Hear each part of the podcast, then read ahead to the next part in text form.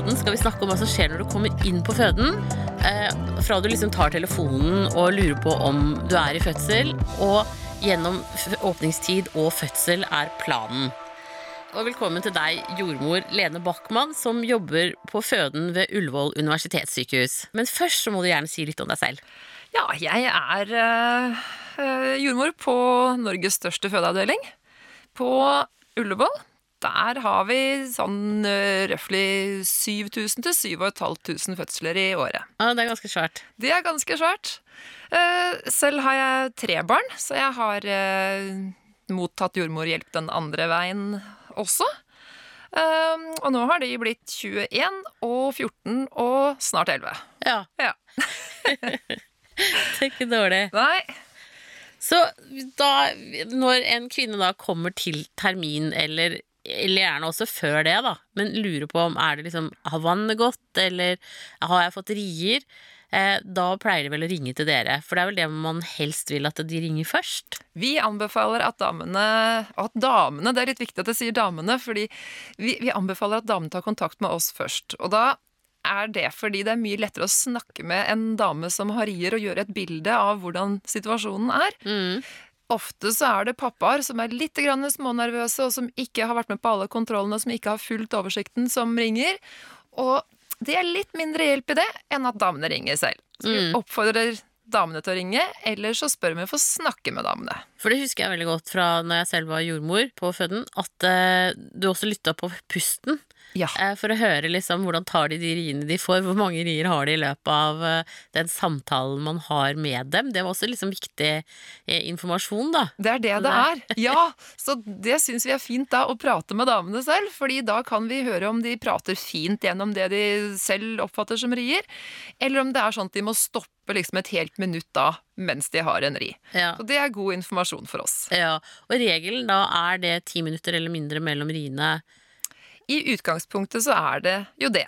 Eh, men vi har jo mange damer som har mye vondt før de er i aktiv fødsel. Eh, og noen kan vi da eh, råde til å kanskje prøve et varmt bad eller en varmepakning eller sånne ting hjemme, og se om det kanskje tar litt brodden av det som gjør vondt, eller roer det helt ned. Mm. Eh, og hos andre så bare eskalerer det da etter de har prøvd det, og da ringer de gjerne på igjen, og da får de som oftest lov til å komme inn. Ja.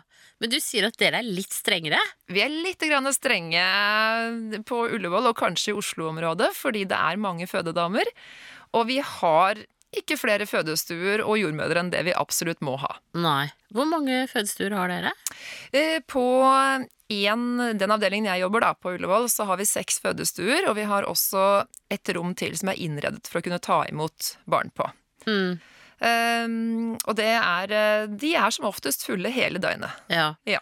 Og da er det, er det en avdeling til med seks fødestuer, da? Det er det. Og så har vi den fantastiske enheten vår eh, ABC, som eh, også har fødestuer. Ja. Ja. Og der er det fire, Fire.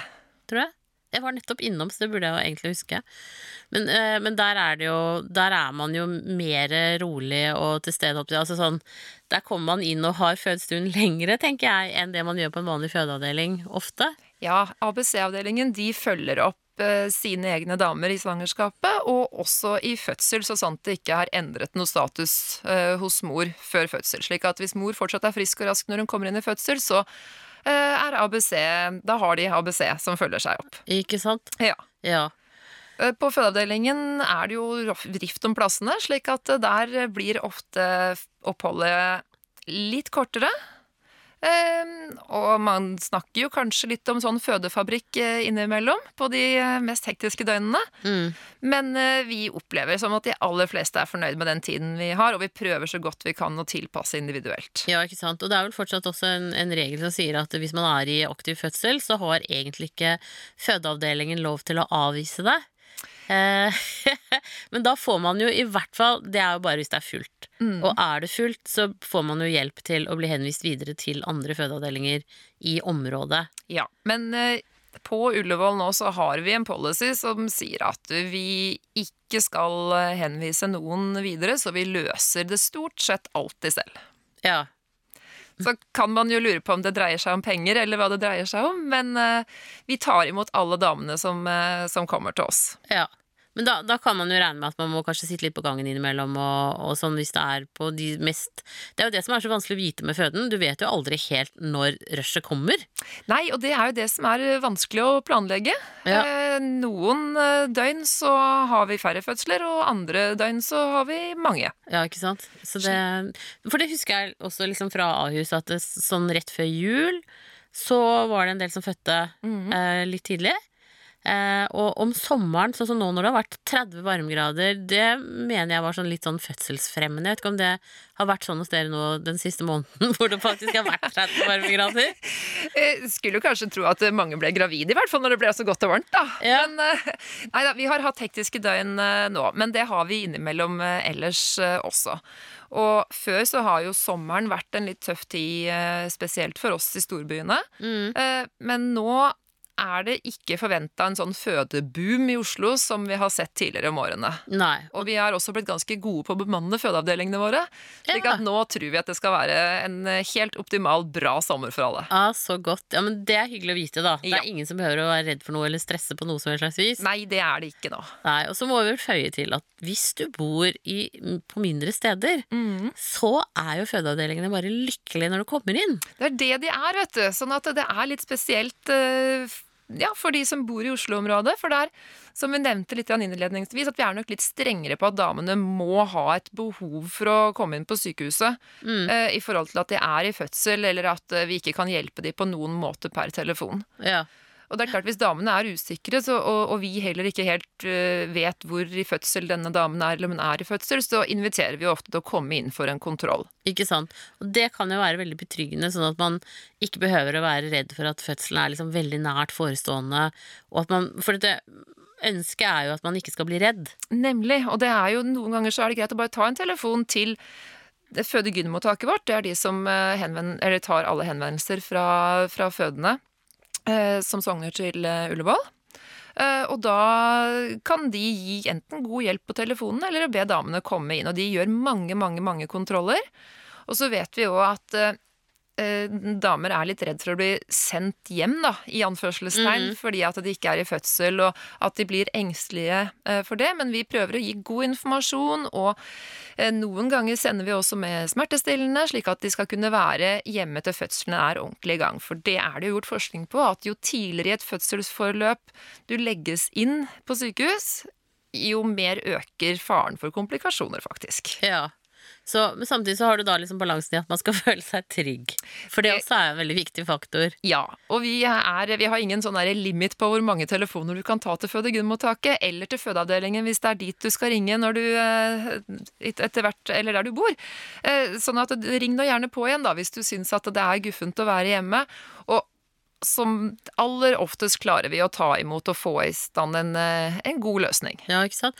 Og så, gjelder det jo på alle, alle fødeavdelingene at de er døgnbemanna, sånn at man kan ringe når som helst på døgnet. Og i helger og alt som er sånn at er, du- sitter du hjemme og lurer på om du er på gang med noe fødsel, eller at du syns du blør for mye, eller du lurer på om vannet har gått, så, så kan man bare ringe rett til føden. Da er det bare å ringe rett til føden. Og der får du god hjelp og, og veiledning i forhold til hvordan du skal opptre videre. Ja. Og det er klart, noen ganger så kan man jo som gravide øh, oppleve akutte tilstander som gjør at man kanskje må tilbringe, eller tilkalle en ambulanse. Ja. Uh, mens andre ganger så er det helt fint at man nesten kan rusle de tre kvartalene som er helt bort til sykehuset, for da har du kanskje fått igjen den siste lille biten av den aktive fødselsfasen din. Ikke sant? Ja. Man kan gå seg litt i gang. Gå seg litt i gang. Og det hender jo at vi gjør med damer som kommer inn til kontroll, at vi ber de rusle seg en tur rundt på området og så se om det kan forsterke riene at hun liksom kommer seg ordentlig i fødsel, i stedet for å, å be de reise hjem. Ikke sant? Så Ja. det, er, det er flere løsninger. En annen ting er jo også det med vannavgang. At eh, hvis man er litt usikker på om vannet har gått eller ikke, så kan man legge seg ned på gulvet, gjerne med et håndkle under. Eh, og da er det akkurat som at hodet flyter litt opp. Det legger deg på ryggen. Og så vil vannet renne ned under. Eh, hvis du ikke opplever at det renner noe vann da, så har ikke vannet gått. Men hvis det da renner, så har vannet gått. For det hender jo at hodet står godt nedi som en propp, og at man ikke alltid liksom eh, At man kan være litt usikker, da. Absolutt, og det er mange som kommer inn til oss med spørsmål om vannavgang. Eh, og nå har vi jo for det første fått gode tester for det, slik at vi kan ta en test eh, fra damen for å, å se Er det en Stix? Det er en Stix, Ja. som vi kan se om slår ut, da. Eh, Andre ganger så er det slik at vi fortsatt kanskje ved undersøkelse kjenner eller ser at det, det fortsatt er noe fostervann, men at det kan ha vært eh, f.eks. en høy vannavgang, da, slik at det har kommet litt vann, men ikke alt har lekket ut. Høy vannavgang, hva er det for noe? Det kan være at vannet har gått ganske høyt opp da, på en måte i, inni den fostersekken, eh, og at det har blitt en liten vannlekkasje, men ikke nok til at liksom alt har fossa ut. Og så må jeg jo også si at det går fint an å ha vannavgang eh, og oppleve det slik som det er på film, at det bare splusjer ut, for det gjør det jo alltid på amerikanske filmer. Yeah. Men så går det også an å ha vannavgang, eh, slik at det kommer bare litt og litt. Og da oppfordrer vi òg til å komme inn og ta kontakt, for idet denne her fostersekken har gått hull på, så da har vi jo en over tid i hvert fall en bitte, bitte liten høyere risiko for å kunne få en infeksjon, enten hos mammaen eller hos babyen. Mm. Og da er det jo folk lurer på liksom, hvor lenge kan de bade på offentlig bad, sånne ting som det. Og da pleier jeg å svare jo, det er til vannet går. Ja, ikke sant? Ja, og etter at, hvis du har mistanke om at vannet har gått, så syns jeg ikke du skal hoppe i Oslofjorden. Nei. Nei. Og heller ikke ha sex. Nei, ikke det heller. Nei. Nei. Så, så det, det er sånne greie forholdsregler. Og så er det jo også noen som blør litt kraftig når de begynner å ha litt gode rier Mhm. hjemme. Ja. Det kan jo være litt sånn skremmende. Ja, det kan det være. Og dette med blødning, eh, når man er eh, gravid, så skal man alltid ta det på alvor. Eh, som oftest så er det helt ufarlig. Eh, når man nærmer seg termin, så er det vanlig at det kan komme litt sånn eh, blod og litt slim sammen. Eh, og alle har vel hørt om denne her slimproppen som kan slippe litt taket, og den kan også være blodtilblanda. Mm. Eh, og i den livmorhalsen som også skal liksom da forsvinne og, og bli helt avflata før eh, det blir noen åpning og babyen skal komme ut, der er det også noen små blodkar som kan gjøre at det blør litt. Grann. Men da snakker vi jo om ganske beskjeden blødning. Hvis det er slik at det renner blod, og at du syns at det blør hele tida, og ikke bare sånn bitte litt når du er på do og tørker deg med papiret, da skal du ringe inn til fødeavdelingen der du bor. Mm. For det, det som heter tegningsblødning, det er jo det at mormunnen begynner å åpne seg, og Nettopp. at man blør litt. Ja. Så bare Og det sånn, kan være en bra ting. Ja, hvis du tenker at eh, du lurer på om du er i fødsel, og, og du, du har litt sånn tegningsblødning, så tenker vi at det er et kjempebra tegn, og det er jo ofte av de tingene vi spør om når du ringer inn til oss. Ikke sant. Og den berømmelige slimproppen, den kan jo gå i hvert fall en måned før termin, eller før man føder. Den kan gå ganske lenge, og den kan gå flere ganger. Ja. Eh, fordi det bygger seg opp igjen litt sånn slim, og det er jo en sånn barriere for at man skal forhindre at det kommer noen fremmede bakterier eh, opp og kan skade mammaen eller babyen. Mm. Så det har en kjempegod funksjon. Eh, Så når damer ringer til oss og sier at slimproppen har gått, så er ikke det nødvendigvis vi, at vi tenker at da er det fødsel nært forestående, men et tegn på at det begynner å modnes til fødsel. Men det kan, som du også sier, skje uker i forveien. Ja. Ja. Så der er det Det som er vel mest avgjørende hvis ikke vannet har gått, da, Mm. det er jo rieaktiviteten. Nettopp. For ingen rier, ingen baby. Nei. Nei. Og så er det jo også sånn at de fleste som, hvor vannet har gått, de føder innen tre døgn av seg selv. Eller gjelder ikke den regelen lenger? Den gjelder nok ikke helt uh, lenger, nei. Uh, vi begynner å følge opp etter at uh, vannet har gått et døgn etter, med infeksjonsprøver osv., og, så videre, og vi setter i gang fødselen hvis ikke riene har startet etter to døgn. To døgn nå, Mm. ja. Ja. Da, da, da blir jeg også oppdatert her, så det er jo veldig bra. Jeg har jo ikke tatt imot barn på snart 20 år, så det, det er, det er jo noe som har er det på tide du kommer tilbake og tar imot noen barn, da, Siri? Komme og bli med deg på fødsel. Ja, veldig velkommen til det. Tusen takk, jeg kommer nok til å gjøre det. Savner jo litt det der. Eh, og så er det sånn, eh, når man ringer da, er det noen opplysninger som, som er kjekt å ha klart eh, før man liksom tar av røret og begynner å ringe? Eller man Da- tar jo ikke av røret lenger. Nei, man gjør jo ikke det. Men før du ringer, så syns jeg det er en god ting at du har helsekortet ditt foran deg. Mm, Der står alt vi trenger å vite, og hvis man har litt vondt og er litt skjelven og litt spent og sånne ting, så kan det være vanskelig å huske alt som står på det helsekortet, og da er det greit å ha det foran seg. For da kan vi si at eh, på den og den rubrikken så står det slik og sånn, hva står det hos deg? ja. Og da får vi god informasjon både om din helse og om babyen, og om eventuelle ekstra ting som vi skal ta hensyn til. For det er jo klart at noen ganger så er det ting som gjør at vi vil ha deg raskere inn på sykehus enn andre ganger. Mm, for eksempel hvis man har GBS eller andre, eller har noen underliggende sykdommer. Nettopp. Så, så sånn svangerskapsdiabetes og Sånne ting er vel også aktuelt å komme inn litt fort på. Ja, og, eller om du har hatt høye blodtrykk, eller eh, om det er eh, andre ting som, eh, ja, som vi syns at vi skal titte litt ekstra på og ta et ekstra hensyn til. Men da vet man jo det selv på forhånd, for da har man jo blitt fulgt opp på det i graviditeten. Så det er ikke noe sånt som kommer som en sånn overraskende bombe akkurat idet man ringer for å lure på om man kommer inn på føden. Nei, som oftest ikke, men da kan i hvert fall vi danne oss et godt bilde ut fra det som står på helsekortet ditt, for da er det jo ofte at jordmor eller lege som du har gått hos i svangerskapet, har kanskje streket under at eh, dette er viktig for deg å si når du går i fødsel. Og når man da har eh, ganske vondt ett minutt eh, hvert femte minutt, holdt jeg på å si, Ja, da er det fint å kunne ha et lite jukseark, og det er jo denne, dette helsekortet. Ja. Ja. Og allergier er jo viktig å opplyse om Nemlig. også, så det blir man jo spurt om for så vidt flere ganger. Men så da, så da har jeg liksom ringt deg og fått lov til å komme inn til Ja! Ullevål! Ja, velkommen til? Ullevål. Du, det som skjer da, det er jo at eh, du blir tatt imot i eh, og der blir du skrevet inn, og så vil en jordmor ta imot deg der. Der gjør vi en del sånne helt vanlige undersøkelser som du har gjort hos, uh, i svangerskapsomsorgen, med puls og blodtrykk og lytter på fosterlyden, altså babyen sine hjerteslag. Og da kan vi gjøre det på flere forskjellige måter, enten ved at vi bruker et jordmorstetoskop, som er et sånn trestetoskop, eller at vi bruker en doppler, som er en liten sånn maskin, så, du, så alle kan høre hjerteslagene, ikke bare jordmora.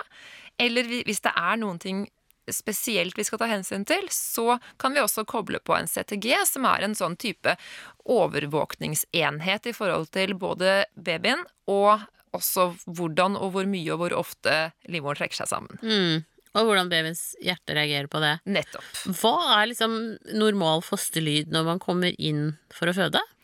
Og der er det litt sånn forskjellig, da, fordi eh, vi har jo et normalområde sånn mellom 120 og opp til 100 og- Eller opp til 160, men ikke noe særlig over og ikke noe særlig under. Ja. Men så har vi jo eh, eh, Det er lov til at babyen kan ligge med en puls eh, litt over det og litt under det, men ikke for lenge. Nei. Og det er jo det som er noe av vår spesialitet som jordmødre, er jo nettopp det å kunne tolke hvor lenge skal denne babyen få lov til å ha litt høy puls? Er dette et uttrykk for at babyen ikke har det noe fint? Eller hvor lenge skal den få lov til å ha litt lavere puls? Hvor lenge er den lav? Eh, Så det er et sånn bilde som vi, vi gjør oss da. Og vi lytter ofte over en ri for å høre hvordan babyen har det når den blir, blir klemt litt på, rett og slett. Mm. Ja. Ja, ikke sant?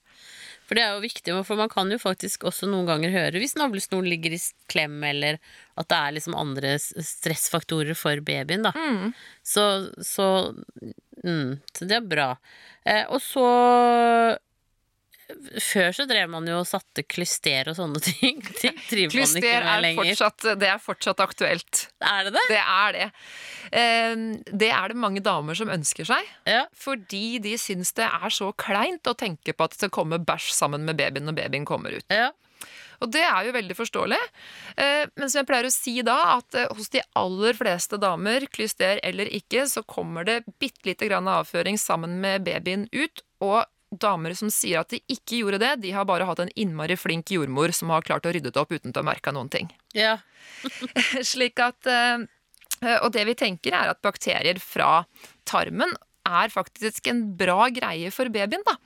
Med tanke på å forebygge f.eks. eksempel ja, allergier, og at det er en del av, av mammaen som babyen får med seg videre. Mm. For da får jo babyen mors tarmflora Nettopp. eh, som en god start på Ja. livet. Og vi vet jo at tarmfloraen er kjempeviktig i forhold til mange typer sykdommer og lidelser i dag, så det er egentlig bare en bra ting. Men selvfølgelig, vil du ha et klyster, så får du det, og det får du på fødeavdelingen hos oss, fordi det er der vi har best fasiliteter for å kunne gjøre det. Ja, ikke sant? Ja. Nå er det jo ganske mange som har tømt seg automatisk de par siste dagene Ja, før de kommer inn. det er jo kroppen sin egen greie, vet du. At eh, kroppen er da litt grann opptatt med å skal snart føde barn, så den har ikke tid til å drive og ordne med den magen for øvrig så mye. Og da hender det at man kan oppleve å bli litt løs i magen. Eh, det siste kanskje døgnet eller to før man føder. Mm. Så, så det er jo veldig positivt, tenker jeg. At, eh, at kropp, altså det, er så, det, er, det er så mange sånne ting som fascinerer meg så veldig med graviditet og Ja, fødsel. ja. Når kroppen ordner og er liksom Og bare sånn som det med tarmbakteriene, Ja. hvor viktig det er, da. Nettopp. Og det har man jo begynt med nå ved forløsning av keisersnitt. At du tar eh, en finger på mors skinke, og så stryker du babyen over munnen for at eh, den skal få mors tarmbakterier. Mm. Eh, så, og også særlig hvis barna blir flyttet over på prematur og andre avdelinger, at man da må passe på at det er liksom mors bakterier som kommer først. Da. Ja, ja og hos er oss er ikke det sånn Det har ikke vært sånn veldig fokus på det egentlig enda, men det kommer nok. Og vi jeg har hatt et par, et par par som har eh, skulle forløses med keisersnitt, eh, hvor mor da har eh, fått servietter til å tørke seg nedentil, som hun har fått lov til å ta over babyen etterpå. Ikke sant? Ja, så Det er en bra ting, og jeg tror vi kommer til å se mer av det. Ja, For det kan jo også ha vært årsak til noen former for kolikk, da. Ja. At eh, babyene faktisk har fått feil kolonisering av tarmen. Så, så det er viktig. Det er Men da er vi kommet til at da har man blitt registrert, og man har fått tatt, eh, hørt på hjertelyden til babyen, og Mm. Er det sånn at alle må ta CTG når de kommer inn en sånn 20 minutters tid, eller Nei. er det Det trenger man ikke å gjøre. Nei? Eh, det gjør vi hvis det er eh, noe med babyen eller mammaen som er en risikofaktor. Hvis du kommer inn som frisk fødende, så er det ingen indikasjon for å ta CTG. Men for oss jordmødre så er det jo noe med at vi får jo ikke noen fasit før babyen på en måte er født i andre enden, slik at noen ganger hvis vi er i tvil, så velger vi allikevel å gjøre en CTG for å være helt sikker på at alle forhold er normale. Mm, mm. Ja, men det er godt og betryggende. Eh, og så eh, andre, Og så blir man da vurdert i forhold til hvor stor åpning man har, og Ja, da det første, eller vi, vi, vi gjør også opp leie, da, som vi sier, i forhold Ja, til at vi kjenner er hvordan viktig. babyen ligger. Ja! Fordi vi vil jo veldig gjerne vite om f.eks. babyen ligger med rumpa nedover, for da ligger det jo an til en setefødsel, spesielt hvis du har kommet eh, så langt at du har fått rier. Eh, Og, så vi vil jo sjekke at, at babyen ligger med, med hodet ned, fordi hvis babyen ligger med rumpa ned, så ligger det jo an til en en fødsel som trenger litt mer overvåkning og ressurser enn det en vanlig hodefødsel gjør. Ikke sant? Og noen ganger så legger jo til og med de babyene seg på tvers. Ja.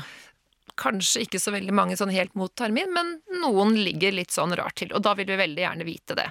Så i utgangspunktet så sjekker jordmødrene det med hendene sine, med å gjøre noen sånne håndgrep. Som er en del av håndverket vårt. Leopolds Leopolds håndgrep, ja. Det er fire sånne forskjellige ja, skal jeg si, tak da, som vi tar utenpå magen for å kjenne hvilken vei ligger ryggen til babyen, er det hodet ned eller er det rumpa ned, og da spør vi ofte de fødende også hvor er det du kjenner mest spark og bevegelse, for å kunne være helt sikre på hvordan babyen ligger. Og vi har også mulighet til å sjekke med ultralyd dersom vi er i tvil, for man skulle jo tenke at det er stor forskjell på om det er rumpa eller hodet som ligger ned, men noen ganger så er det ganske vanskelig å kjenne. Mm. Damer er forskjellig skrudd sammen og laget, og da tar vi en ultralyd for å være helt sikre på at vi, vi venter på en baby med hodet først. Ikke sant? Ja. Ja, og så er det sånn at det å bli født i seteleie er jo ikke farlig. Som oftest, men man skal jo følge med på at babyen kommer ordentlig ned, og at beina opp, Altså at beina ikke legger seg på tvers, holdt jeg på å si. Altså sånn. ja. Det er en del mer hensyn som skal tas eh, når man skal føde i seteleie. Eh, Så hvis du f.eks. har fått rier, og du vet at babyene ligger med rumpa ned, så blir du bedt om å komme inn med en gang. For da er det større poeng for oss å hjelpe denne fødselen eh, framover, slik at, eh, at eh, denne babyen blir født frisk selv med rumpa først. Ja. Og som oftest så går det veldig fint, og vi har gode, god erfaring med det og, og gjør det ganske ofte. Men mm. det er veldig fint å vite om det på forhånd. Ikke sant? Og så tenkte jeg på det med tverrleie også, at er det sånn nå at dere lar kvinnen gå i fødsel, og at babyen antageligvis går med hodet eller setet ned i bekkenet, eller er det keisersnitt? Hvis det er en baby som eh, blir oppdaget, altså hvis den blir liggende på tversen og det, eller mamma går i fødsel, så har, jeg har ikke så veldig mange, mange erfaringsfødsler med det, men da blir det ofte keisersnitt, fordi hvis man ser at det er vanskelig å Ja, hvis den ikke rikker seg, liksom. Ja. Så ja. Ja.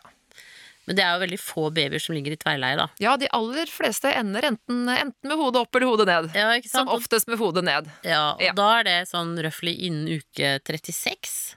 Hvor Som de er vel at de har snudd seg, de aller, aller fleste. Ja, for de som har hatt uh, påvist seteleie eller mistanke om seteleie eh, Når man kommer til uke 36, blir man ofte innkalt til en kontroll på sykehuset for en, en leiekontroll, for å vite hva som ligger eh, opp og ned. Ja. Og da kan man noen steder eh, få manuell vending av babyen. Det vil si at man går og, og snur babyen fra utsiden, da. Ja. Gjør dere det på Ullevål? Eh, Det er nok litt sånn eh, personlighetsavhengig, tror jeg. Noen ja. har hatt vendingsforsøk som har vært vellykka, og andre ikke. Og det er jo litt sånn avhengig av eh, om, om rumpa har satt seg godt fast, liksom, ned i Ja. bekkenet. Eh, så noen ganger så blir den ligge med rumpa ned. Ja. Ja.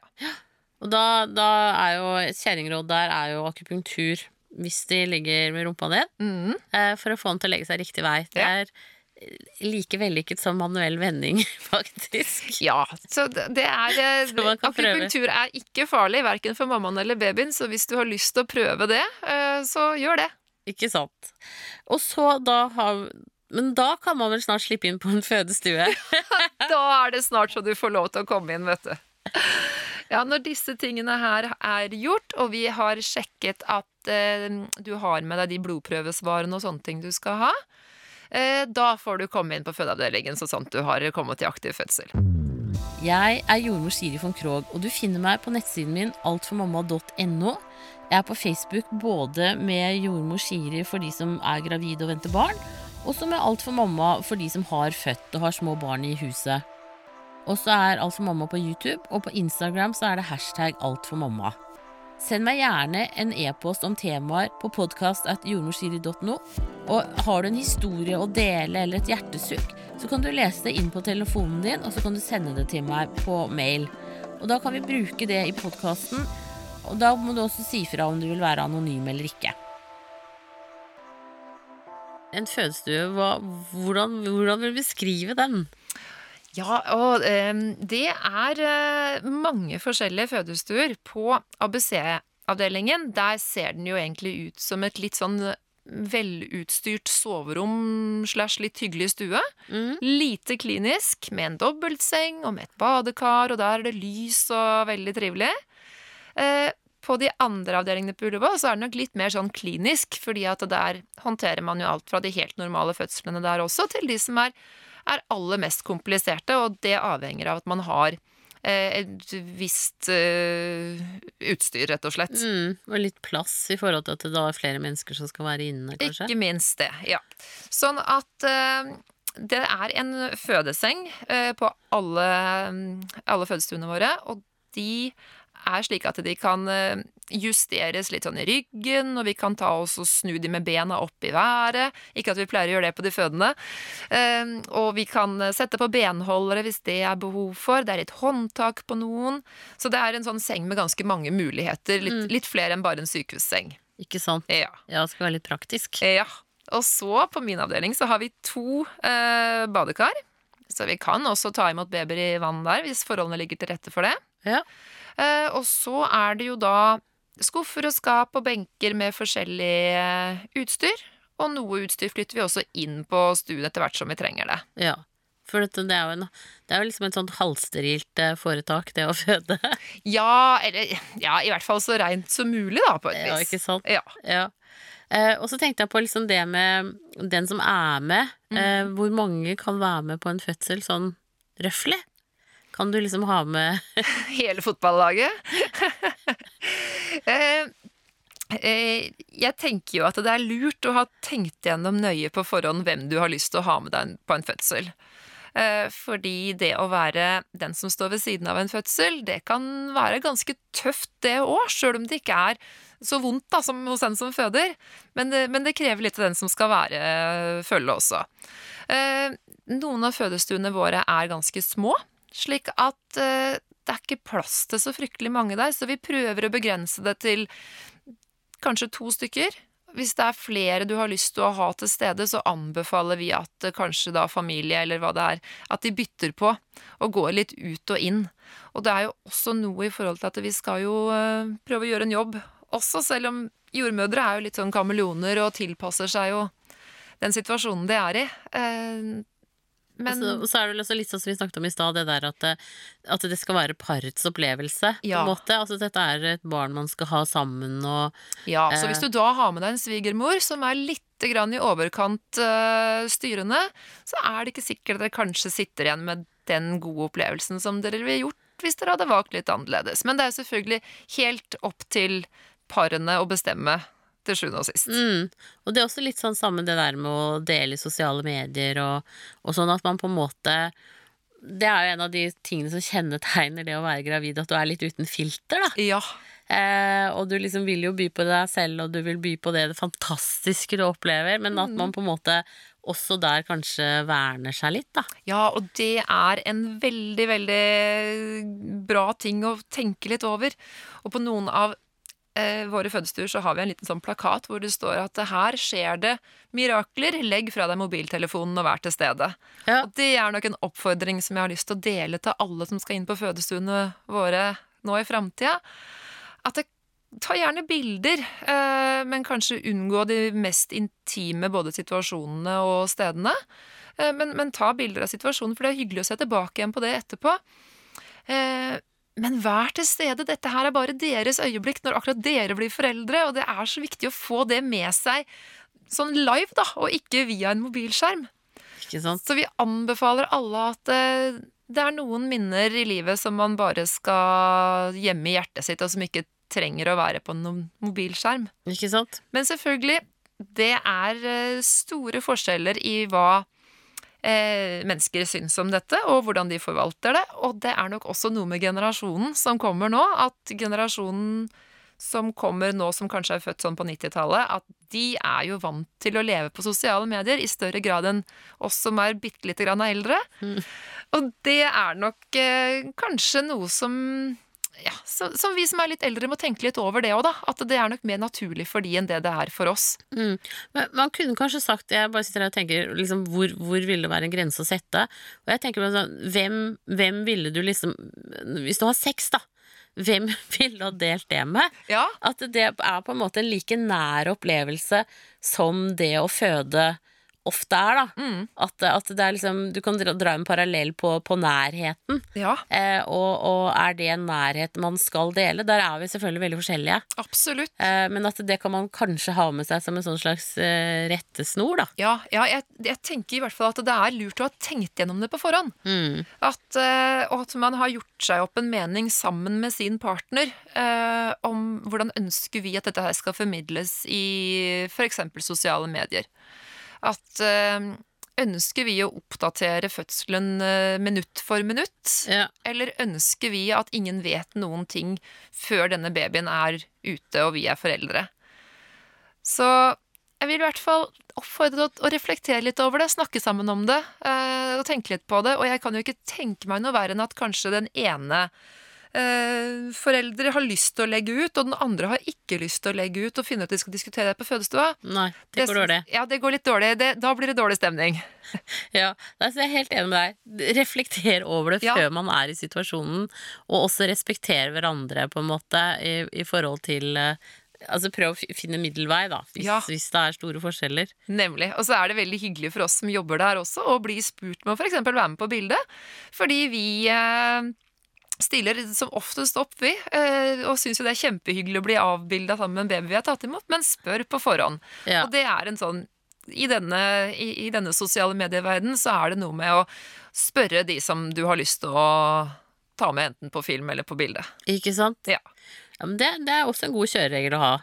Eh, og, så, tenker jeg liksom litt sånn der eh, For den som er kjæreste som er med, så, så blir jo ofte den som er i fødsel, ganske sånn knapp i, be, i beskjedene. Og jeg pleide å si at eh, slag og spark var det eneste jeg ikke godtok. En verbal utskjelling og sånne ting. Det Ja. var greit som jordmor, for man vet at du er en, i en utenpå deg selv-situasjon. Mm.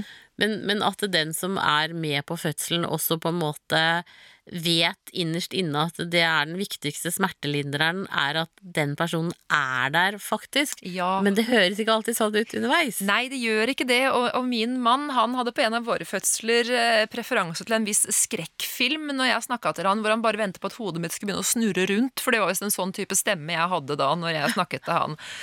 Så der det, man, Dette her er jo liksom noe sånn urkrefter som kommer eh, fram hos damer når de er i fødsel. Og de har vondt, og de har jo trolig aldri hatt så vondt før.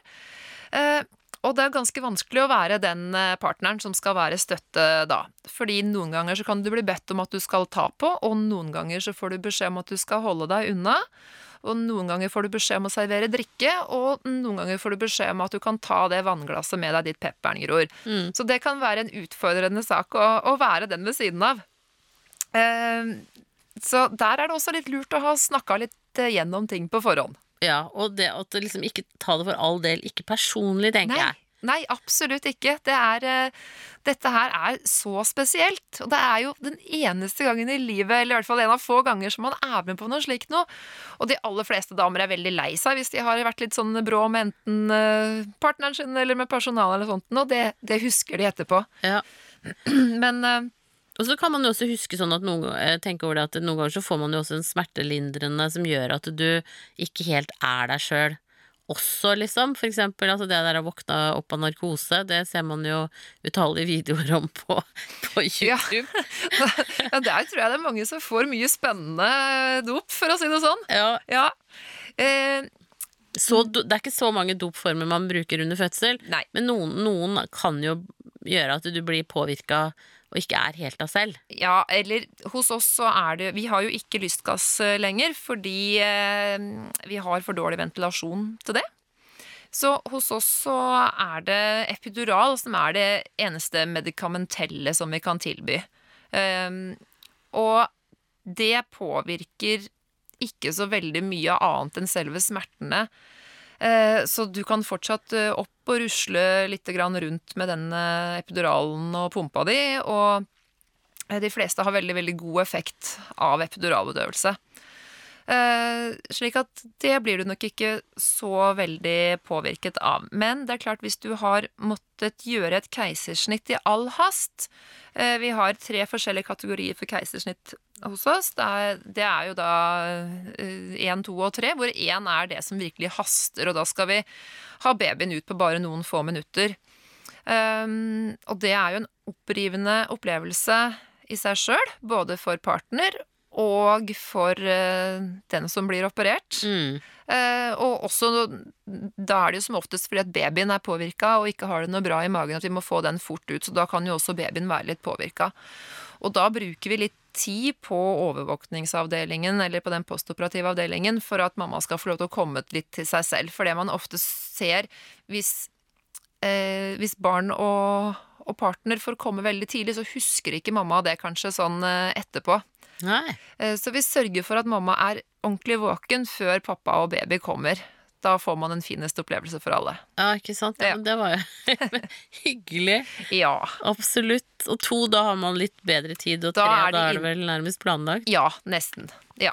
Så da, da har vi god tid. Og på de grad 1 eh, så er det narkose. Sånn er det, for da skal det gå fort. Og da får ikke partner lov til å være med inn på operasjonsstua.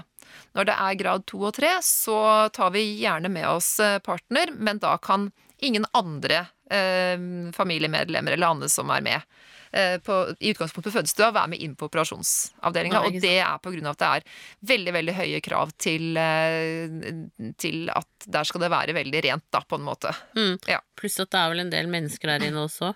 Der er det mange som har sin funksjon, som også må få plass til å gjøre jobben sin, rett og slett. Men tilbake til den normale fødselen, da. Ja, det var dit vi, det var det var vi skulle. vi. Ja. Vi sporer av. Det gjør jo ingenting. Eh, nei, så, sant, så tenker jeg da Så da har det blitt eh, ti minutter eller mindre mellom riene, eller la oss si nedi fem for den sakens skyld, og Ja. man begynner å ha liksom behov for litt sånn smertelindring. Hva har dere annet å tilby enn epidural? Du, vet du, vi, da starter vi ofte sånn med at vi anbefaler kanskje å prøve dusj eller badekar. Eh, hos veldig mange så har det god effekt. Eh, noen kan oppleve at eh, riene kan komme litt sjeldnere, eh, sånn at det er bedre pause mellom dem og lettere å håndtere det som gjør vondt. Og andre har like mange rier, men det tar liksom litt sånn brodden av det. Så det anbefaler vi. Og så har vi også noen sånne varmepakninger eller varmeflasker, som mange har god effekt av. Og så er det jo det å prøve å finne en sånn hvilestilling, da, kanskje i sengen, hvis det er det du orker, hvis du er, eller hvis det er det du vil, hvis du er veldig sliten.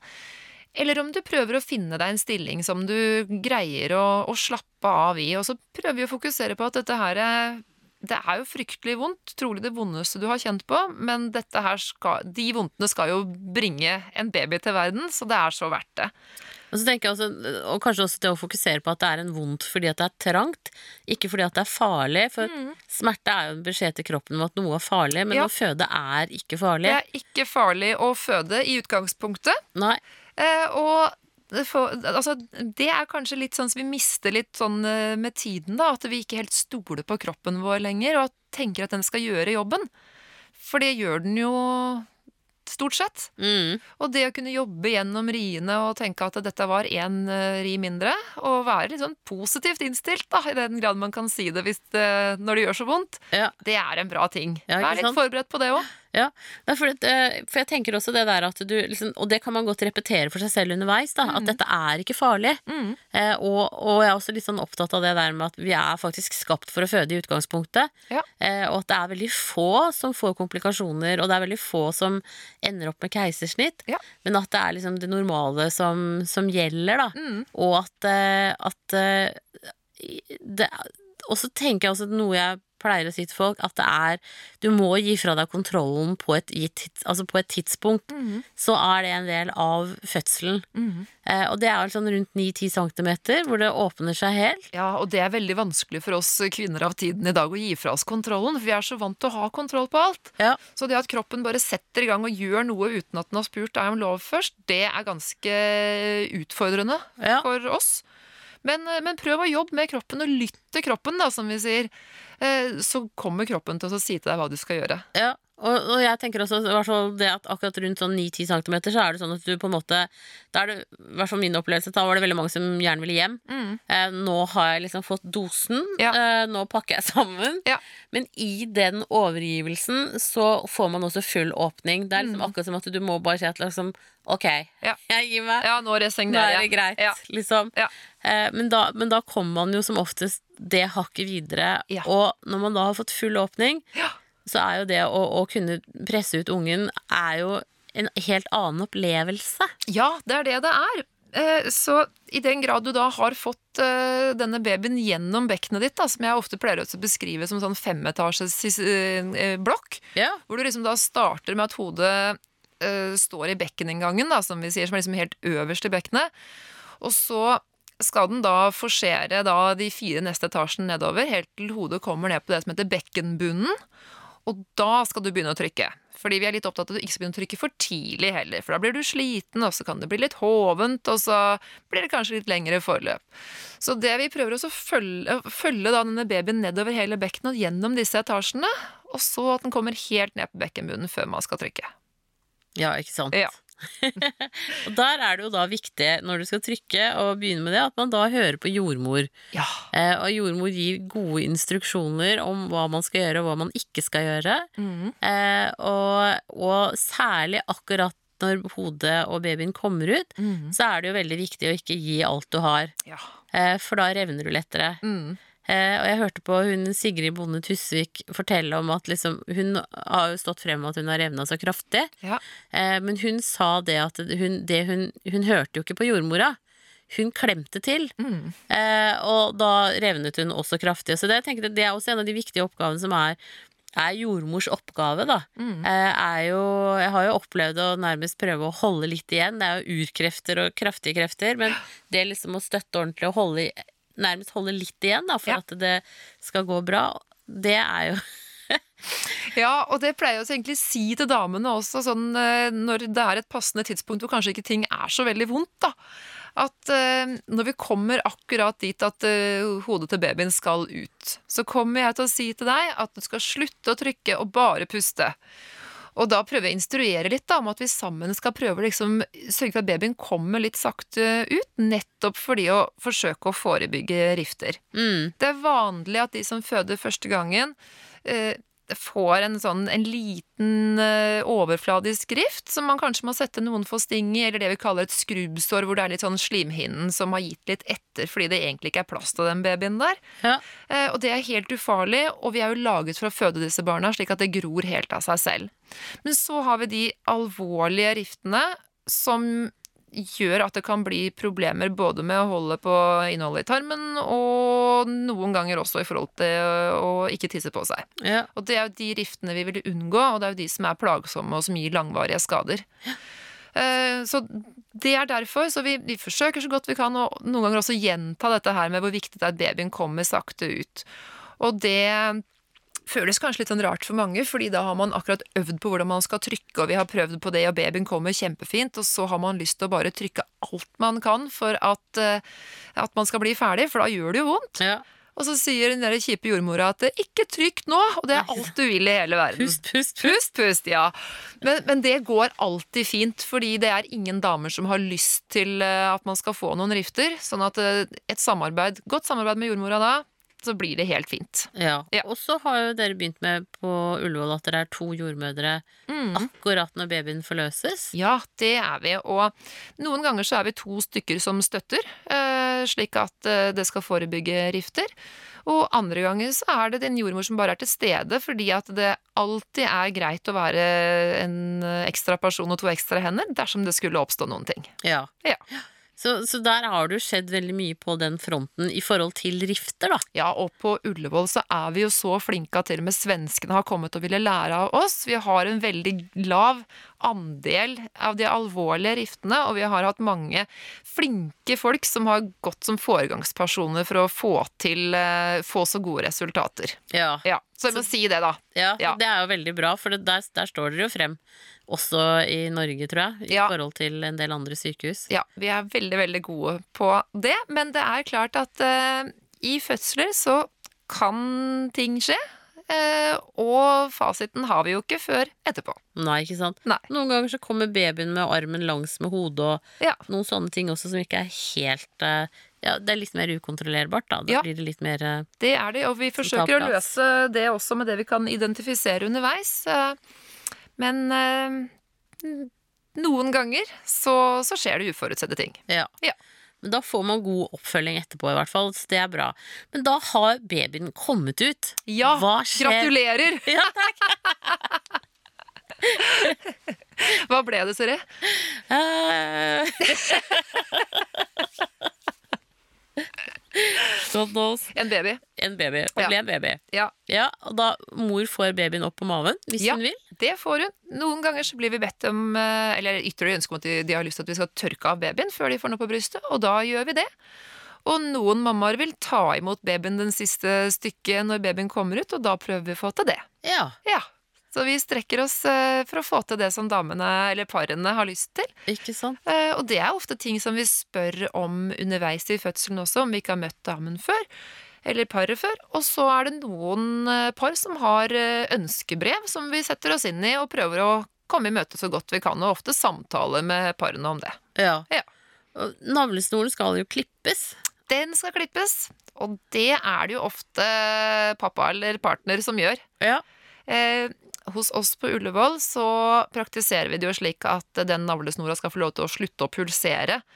Eh, Det tar et par minutter. Sånn. ja, ja, vet du, det er litt forskjellig. Noen pulserer i flere minutter, ah, ja. og andre opphører ganske raskt. Men det, det kjenner vi jo da med å kjenne med fingrene våre om. Det er liksom noen puls i den snora. Mm. Og så ser vi jo det på den også, fordi den er jo ganske sånn frodig og blodfylt med en gang babyen kommer ut, og så blir den helt sånn slakk og tynn og bleik når det ikke er noe mer gjennomstrømning i den. Ja, ikke sant? Og Ja. Det er jo for at babyen skal få den siste dashen med blod. Ja, fordi vi trenger. tenker at eh, faktisk 30% av de røde blodcellene til babyen kommer eh, på den siste pulseringen av navlesnora. Så det er jo en bra ting å få med seg for babyen. Da er den godt rusta til ting som eventuelt måtte oppstå. Ja, ikke sant? Mhm. Og så, når babyen er ute da og ligger oppe hos mamma, så er vi så kjipe at vi gir babyen en sprøyte i låret. Hvis ikke paret har sagt at de ikke ønsker det, og det er K-vitamin, og det setter de på de aller fleste fødeavdelinger eh, og fødestuer i Norge. for K-vitamin er en viktig del av koagulasjonssystemet hos babyen. Derfor så gir vi litt ekstra for å forebygge blødninger, rett og slett. Der lærte jeg at det var for at før så Det er jo derfor det heter jordmor også. At eh, det er jo Vi er den hjelperen som løfter barnet fra jorda til mor. Ja. Og før så fødte man på jordgulv, og da fikk de i seg K-vitaminer. Mm. For det er i jorda, men nå er vi jo så alt er så rent og pent. Ja. Så da må det tilføres. Da må vi sette det i sprøyteform. Ja. Ja. Og eh, mammaene får også en sprøyte i sitt lår, som oftest, fordi hos oss så praktiserer vi at de får en liten dose med det syntetiske hormonet oksytocin, som gjør at denne eh, livmoren skal trekke seg godt sammen og ikke blø etterpå. Fordi den Altså, det er hovedårsaken til at mødre dør etter fødsel i dag på, lands, på verdensbasis. Så er det at de blør i hjel. ja. Så vi setter dette, denne lille sprøyta i låret til mor eh, i forebyggende eh, sammenheng, så ikke det skal blø. Og det er jo eh, både K-vitamin og eh, denne sprøyten kan du takke nei til hvis du ikke ønsker det, og vi sier selvfølgelig fra at vi skal sette den sprøyta og sånne ting, men jeg vil, jeg vil oppfordre eh, i hvert fall eh, til å ha tenkt gjennom det på forhånd også. Mm. Mm. ja, for det er jo, det er jo for en, en årsak til at man gjør det. Ja, det er det. Men så da er liksom babyen eh, er, ligger på mors bryst og, og har det bra, og alle har det bra, og mor er ferdig sydd og Mm, alle er lykkelige. Ja. Ja. Hvor lenge får man ligge på en fødestue etterpå da? Eh, Du, det vi, har, vi gjør det slik hos oss at eh, etter to timer så veier vi og måler babyen. For de to første timene da er det viktig at babyen får ligge hud mot hud, fortrinnsvis med mor, og også med far hvis ikke mor er tilgjengelig av en eller annen grunn. Ja. Eller med medmor. Ja. Eh, og så, når, det, når babyen er to timer gammel, da eh, veier vi og måler vi babyen. Eh, før, kanskje sånn, jeg vet ikke åssen det var når du jobbet sist, altså badet dere babyen også på samme runden da? Nei? Nei. Nei. Eh, for det gjør vi heller ikke nå, nettopp fordi at vi tenker at det er en sånn naturlig immunisering, at den babyen får lov til å ha på seg det den har. Og litt det fettet den har Og med det seg. Og... Ja. Mm. Det er skikkelig eksklusiv eh, fuktighetskrem. ikke sant? Ja. Og så er det vel også vanlig det der at, eh, at, at babyen får prøvd puppen litt. Mm. Og øh, vi forsøker jo litt sånn at babyen får lov til å kravle bort til den puppen selv noen ganger. Ja. Eh, og det er jo helt Det er så vakkert, det. Ja. Når den babyen klarer å finne den puppen på egen hånd. ja, for det handler jo om refleksen under, til, under føttene til babyen. At Ja, den greier å At den dytte seg opp. dytter seg av gårde, det er så fascinerende. Jeg tenker Hvis man, hvis man skulle ta video av noe under en fødsel, da, eller i etterkant, så måtte det jo være det. For det syns jeg er så fascinerende. Og det ligger det jo videoer om ute på YouTube. Ja, og det er så vakkert, så det må alle gå inn og se på. Ja, men da, det er veldig fascinerende. Du, vi glemte morkaka. Ja, den er jo i andre enden av den babyen, og det er jo den morkaken som har gjort at babyen har fått næring fra mammaen da, i alle disse ukene. Eh, men nå er det er et eh, organ som nå skal ut, og det er På innsiden av livmoren så er den eh, morkaken festet. Og når babyen er ute, så opphører eh, morkaken eh, sin oppgave, og da blir den støtt ut av kroppen, rett og slett. Så den skal da løsne. Og som oftest da så eh, er Noen ganger så kommer den før babyen eh, sin navlestreng er klippet, og andre ganger så kommer den etterpå. Det varierer litt. Eh, og begge deler er egentlig helt normalt. Og så eh, Den eh, morkaken kommer jo da seilende ut, og noen syns det er litt sånn ekkelt, fordi da er man liksom ferdig med fødselen. Ja. Og at det skal passere noe mer i det området da, det syns de strengt tatt er helt unødvendig. For den veier jo mellom 300 og 500 gram. Ja, og noen ganger opp til en kilo. Kommer det litt an på hvor stor babyen er og sånne Ja, ikke ting. sant? Ja, Tvillinger og sånn. Ja, så det den kan være større. ganske svær. Eh, og da, når den kommer ut da, så pleier vi å klemme mor på magen for å være sikker på at den livmoren trekker seg godt sammen. For der som den morkaken har vært, så er det en sårflate. Og den kan blø ganske kraftig, for det har jo vært god gjennomstrømning over til mamma, eller fra mamma til babyen. Eh, Så da klemmer vi litt på magen for å liksom minne den livmoren på at nå må du huske å trekke deg sammen og ikke blø. Mm. Og det går som Det oftest veldig gjøres jo da veldig jevnt de første to timene Ja, etter fødselen. Det gjør det. Og også litt sånn med ujevne mellomrom mens du er på barsel eller på hotellet. Mm. Og så er den morkaken ute. Noen har lyst til å se den, andre bare syns at det er helt unødvendig. Eh, vi som jordmødre ser på den fordi For det første må vi se at den er hel, at det ikke sitter igjen en bit inni. Mm. Eh, For det kan jo gi både infeksjon og blødning. Så vi ser at den er hel, og vi ser at den er normal, og vi ser at navlesnoret er festa, ikke sånn helt ut i kanten, men at den skal sitte på midten, og vi ser at de fosterhinnene er hele, og at det ikke mangler noen biter av de, eller sånne ting. For å være helt sikker på at alt har kommet ut, da. Det skjer fra tid til annen at uh, det kan være igjen en liten hinnebit eller en liten morkakebit. Og da må legene inn og fiske ut det. Og det er jo ofte litt sånn kjipt når man har født et barn og alt skal være bare greit. Ja. Ja. Men det er sjelden at det skjer. Ja, det er ikke så ofte, altså. Og så sjekker dere også uh, hvor mange blodkar det er i navlesnoren. Ja, det gjør vi. Og hvis det er noen ting som avviker på enten på navlesnora eller på morkaken, så sender vi den til en patolog som titter litt eh, ekstra på den. Eh, Og kan, vi har jo noen prosedyrer som sier vi skal sende eh, morkaken av gårde, eh, hvis det har vært en svangerskapsforgiftning, da, eksempel. Ja. Eller at vi kan se at den morkaken kanskje har vært litt sånn delvis løsnet, ikke sant. Eller Mm. ja, hvis det er noe spesielt med den som avviker fra normalen, Ja. så sender vi den av gårde for eh, inspeksjon. Og det er jo veldig bra. Og det skal være tre årer i, i Tre årer i snora, ja. Ja, bare for å ha det klart. Yes. Jeg bare hørte at det hørtes ut som det var så mange. ja nei, det er ikke, noe, ikke mange, men det er, det er tre stykker. Ja. Det var min litt dårlige formulering. Men da eh, pleide jo, i hvert fall når jeg jobba før, da, så fikk de et lite måltid før de ble flytta. ja, da får de mat og drikke, for det er jo viktig for mamma at hun øh, får i gang kroppen, for nå har hun jo brukt masse energi og forbrent øh, mye og omsatt mye væske, så det er viktig at hun får, påfyll av alt. Mm. Så da får jo babyen ligge på puppen, og så er det jo ofte at da partner øh, hjelper til så mamma får spist og drukket lite grann. Og så, tilbake igjen da til to timer etter fødselen, så er det veiing og måling. Noen ganger så gjør vi det inne på stuen, og noen ganger så gjør vi det ute på et sånn rom vi har. Det avhenger er litt forskjellige ting, og det avhenger litt fra hvilket sykehus du føder på også, for det er litt sånn forskjellig, eh, forskjellig praksis, rett og Ja, slett. ja. Og så, vei, eller så, så måler vi også blodtrykket til mor, eh, og sjekker at hun har normal blødning, for litt skal man jo blø etter en Mm. fødsel, det er en del av renselsen, og det er helt normalt. Og da, hvis mamma føler seg at hun får tisse. Og det er akkurat det, vet du. Fordi at hun må tisse. Ja. Det er kjempeviktig, sånn at hun ikke blir gående med en blære som bare fylles og fylles. Fordi det kan være vanskelig å kjenne at man må tisse når man har født barn. Mm. Uh, og kanskje spesielt hvis du har hatt en epidural i tillegg. Så vi er nødt til å sørge for at du, at du virker. Og det er jo ofte gullbilletten for å komme da f.eks. til barselhotellet.